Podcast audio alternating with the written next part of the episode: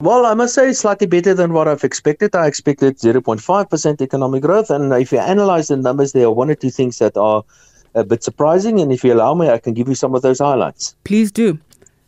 Okay. First of all, the uh, the sector that contributed most to economic growth uh, was the manufacturing industry. Now, manufacturing is a, one of those bigger uh, sectors in the economy, and you mentioned the increase in load shedding to stage six now.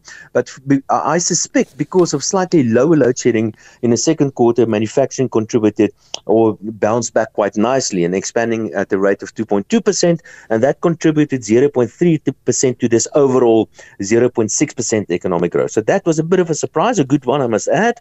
Agriculture and forestry also expanded expanded at a rate of 4.2%, but because it's a relatively small sector, mm-hmm. uh, their contribution was only 0.1% to that overall 0.6%.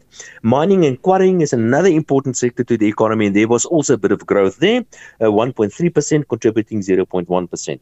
And then the most neg- the biggest negative sector was transport, which contracted by nearly 2%, and that uh, shaved off 0.2% from overall economic growth of 0.6%. And then a last comment that I think is worth mentioning, or maybe one or two more comments. The one is is that if you look at the other side of the calculation of of uh, of the economy, or the so-called expenditure side of mm-hmm. the economy, then households household consumption expenditure contracted by 0.3 percent and uh, that's a sign that households are under tremendous pressure. We know that. Yeah. So, despite this bit of economic growth, households are still suffering. And then gross capital formation also bounced back quite nicely with an increase of uh, nearly 4%. um, and that's on the expenditure side, and a couple of other smaller ones. But but clearly, the economy is certainly not out of the woods. 0.6% is just not good enough, but there are one or two surprises. But what I'm concerned about is households that are clearly yeah. under tremendous pressure. Yeah. Um, still on expenditure, Darby, well, we saw um, a positive contribution from expenditure, in particular on hotels, restaurants, um, health and and, contra- and um, um, education as well, which contributed positively uh, in this quarter. How does that uh, compare to the concern you've just raised on household expenditure? We're not essentially talking about the same people here. Are they the ones eating out, spending on transport and health and so on? Yeah.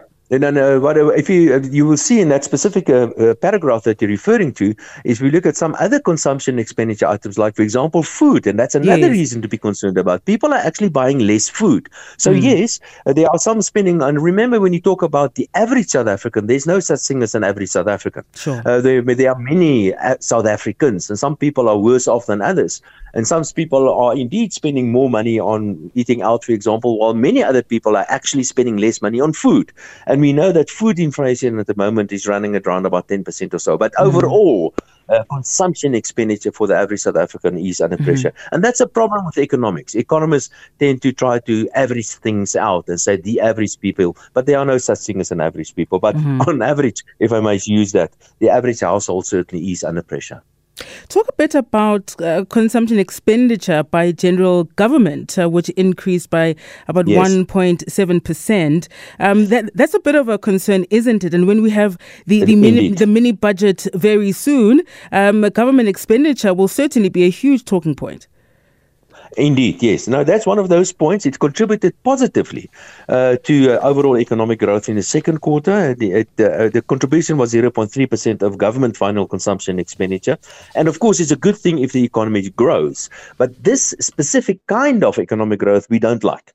because that's an indication of a government that's growing and getting bigger. Uh, and I'm afraid that specific item is probably going to turn quite sharply negative in coming quarters.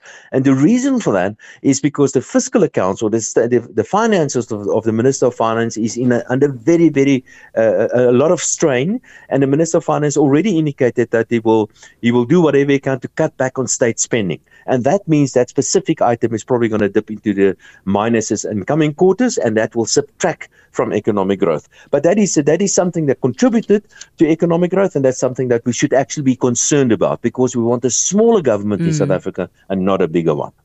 Overall picture of uh, South Africa's economy, we're now back into yeah. high stages um, of, of load shedding. Mm. What are we likely to see over the next couple of months? Yeah, we spoke about manufacturing, and manufacturing really depends on things like, for example, the availability of electricity. But the same goes for, for mining, as an example. Uh, and the commodity cycle is not good as far as mining are concerned. So I'm afraid the pressure is likely to remain on the South African economy. My expectations for economic growth this year remains quite weak uh, for the year in total. I think we're probably going to see between zero and 0.5 um, percent economic growth for the year in total. And I'm afraid it's not going to improve much in coming years either. Sure. And there are many, many, uh, many um, hindrances to economic growth, and the list is quite long. Uh, and this is uh, really unfortunate. We need to grow this economy at least at 1.2%. That's in line with population growth, but of course, pref- mm-hmm. preferably at rates about 3, 4, 5, 6, or even 7%. And we can achieve that. But unfortunately, with the macroeconomic policies that we have currently in place, that's that rate of economic growth is probably not going to materialize. Finally, Darby, somebody may, you know, hear 0.6 increase and may think that this is negligible, but in the context that you've no. just painted, um, no. it's not negligible. No, certainly not. And remember, there's a lot of technicalities behind this. This is real economic growth. This is not nominal economic growth. It's also in, uh, compared to the first quarter, uh, but at, a, at an annual rate, and it's adjusted for all sort of things, seasonalities and so on. So there, there's a lot of calculations behind this. But 0.6% economic growth is not nothing, but it's certainly not good enough. Thank you very much, as always, Darby Root on you. the line there um, with us.